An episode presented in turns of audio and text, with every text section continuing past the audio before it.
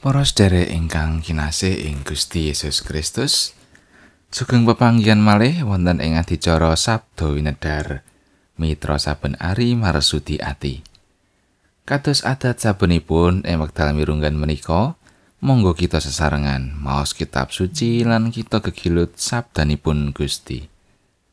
Monggo saderengipun kita ndedonga nyuwun panuntunipun Roh Suci. Gusti Allah Rama kawula kasuwargan. Matur nuwun Gusti, awit sedaya berkah paduka ing gesang kawula. Berkah arupi kasarasan, kacekapan, lan manah kebak ing tentrem rahayu. Emak dalam mirunggan menika, kawula nyawisaken manah kawula. Saperlu badhe nampeni pangandika paduka. Sumangga mugi roh suci paring pepadang ing manah kawula. Paring kasagetan anggenipun kawula nindakaken kersa paduka. Tasih kathah dosa kalepatan kawula du Gusti, mugi paduka paring pangaksami. Matur nuwun Gusti.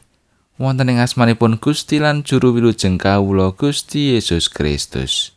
Amin. Waosan kapendet saking Jabur Mazmur bab 103 dosa. Kidung Jiarah Do Yewa saking jurang ingkang lebet kawula sesambat dumateng paduka. Do pangeran paduka mugi kersa miyarsakaken swanten kawula.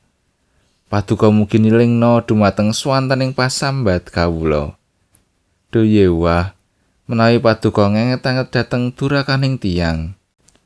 Do pangeran sinten ingkang saged lestantun nanging paduka kagungan pangapunten supados tiyang sami ajre asih dumateng paduka aku nganti-anti marang pangeran Yewa nyawaku ngarep-arep lan aku ngarep-arep marang pangandikane.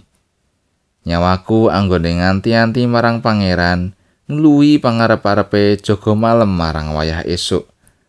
Iya wong jaga kang arep-arep marang wayah esuk ngarep-arep marang pangeran Yewa he Israel.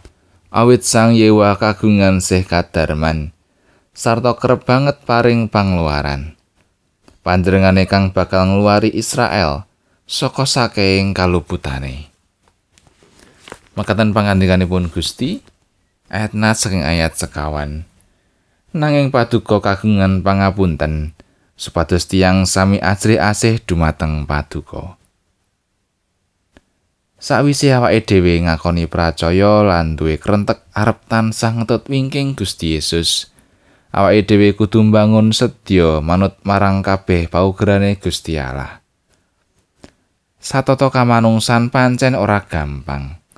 Nanging puji Gusti, awake dhewe diparingi pirantining karohanen supaya bisa tetep jejeg nindakake kersane Gusti Allah. Sepisan, yaiku panuntune Sang Roh Suci kang tansah ngreksa lan ngayomi. Kaping pindhone sadulur sak pasamuan.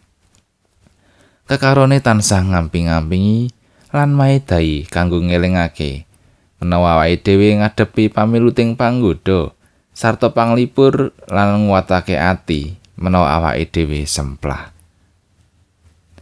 Kang kaping telu yaiku sih pangapuraning Gusti Allah. Panjenenganipun ngendika supaya awake dhewe aja nganti gawe dosa maneh. Ananging menawi tumiba ing dosa, panjenenganipun prajanji bakal maringi sih pangapura supaya uripe awake dhewe kajejegake maneh. Mengkono gedene katersane Gusti Allah marang wong-wong pracaya. Mula dadi wigati nalika awake dhewe bisa melu nyengkuyung pandonga nyuwunake sih pangapuran ing Gusti Allah. Kanggo sedulur kang ngarep ngajal. Sumuga ing wayah bengi nunggap ngaso, aja nganti lali nyuwun sih pangapuran ing Gusti Allah. Awit durung mesti ing wayah esuk awake dhewe kaparingan bisa tangi lan nerusake urip. Emane isi ana wae saweneing wong kang kleru anggone mangerteni apa sing dikersakake dening Gusti Allah. Wong iku duwe pangucap mangkene. Aku arep ngugu karepku dhewe. Banjur bengine njaluk pangapura mumpung Gusti Allah iku gedhe piwolase. Ananging apa awake dhewe bisa nemtokake apa kang bakal dumadi?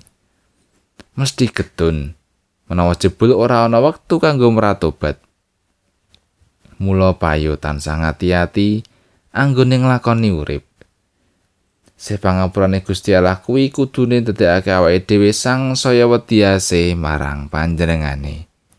Amin.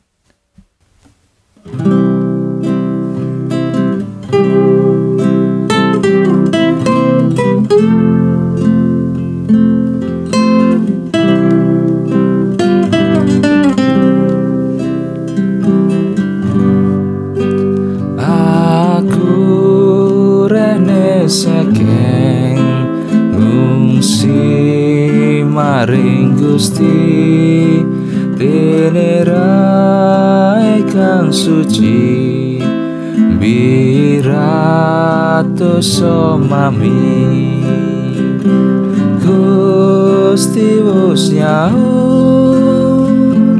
bunda tutangku dosaku luwe aku ning Gusti kang lebur